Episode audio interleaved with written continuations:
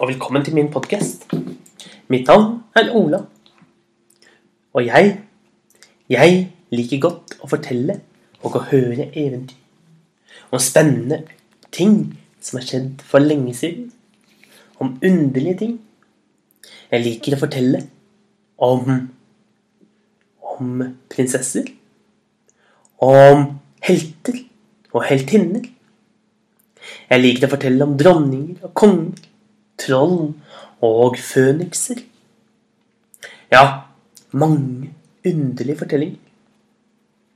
I dag I dag skal jeg fortelle et eventyr om en klok dame ved navn Sofia. En gang for lenge siden så fantes det et land.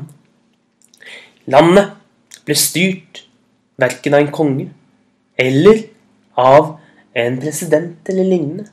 Nei, landet ble styrt av en klok, gammel dame ved navn Sofia.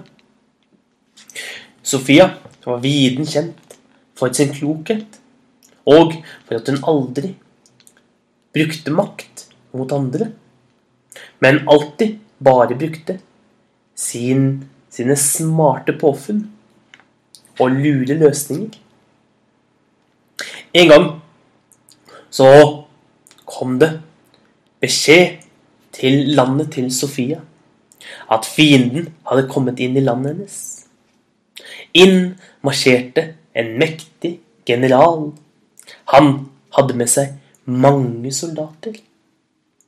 Og han, han hadde tenkt til å ta over landet til Sofia. For han tenkte at der var det Han visste at der var det nok ingen motstand å møte, for de hadde jo ingen vakter. Men han gikk rett fram til Sofia. Og Sofia og han satte seg ned og snakket. Ja, jeg har tenkt til å ta over landet ditt, sa, sa generalen. Faktisk skal jeg ødelegge byen din. Det er ingenting du sier som kan stoppe meg. Jeg kan se at uh, du Du er Du har ingen hær. Og det er sant som de sier. De sier at du er vis. Men du er i alle fall ikke sterk, sa han og lo. Men Sofia hun lot seg ikke bli, bli sint for den grunn, så hun sa Men kjære deg, det er da ikke snilt å ødelegge landet til andre. Du må gi oss en fair sjanse.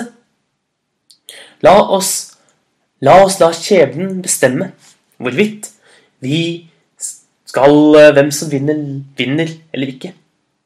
På den ene lappen skal vi skrive 'ødelegg'. Da ødelegger du byen min. Men på den andre lappen, der skal det stå 'spar'. Og da må du spare byen min. Generalen tenkte seg godt om. Han hadde ikke lyst til å tape. Men han hadde en plan. Han tok to lapper.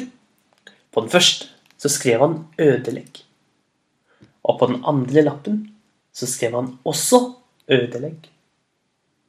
Men Sofia, hun tenkte at han kom til å jukse. Så, så gikk generalen fram med lappene og sa 'Nå får du velge en av disse to lappene'. Og så får vi se om jeg skal ødelegge eller spare byen din. Så lo han. Sofia tenkte seg godt om. Hun visste at på begge lappene så sto det 'ødelegg'. Hvordan kunne hun redde byen sin? Da fikk hun en smart idé. Hun gikk fram og tok den ene papirlappen uten å åpne den. Så puttet hun den i munnen. Så tygget hun og svelget lappen. Hvorfor, hvorfor gjorde du det? utbrøt generalen. Å, jeg tok den ene lappen og spiste den, sa hun. Så la oss se hva som står på den andre lappen. Hvis det står 'spar' der, da, da vet vi at jeg valgte lappen som sier 'ødelegg'. Da skal du få lov til å ødelegge byen. Men hvis jeg åpner lappen hvor det står 'ødelegg', da vet du at jeg har valgt lappen hvor det står 'spar'. Så åpnet hun lappen som var igjen, og der sto det selvfølgelig 'ødelegg'. Og byen var reddet, og generalen hadde ikke annet valg enn å reise hjem igjen. For slik var avtalen. Og på den måten lurte Sofia den onde generalen, og på den måten reddet hun landet sitt. Ha en riktig god dag, så ses vi igjen en annen dag.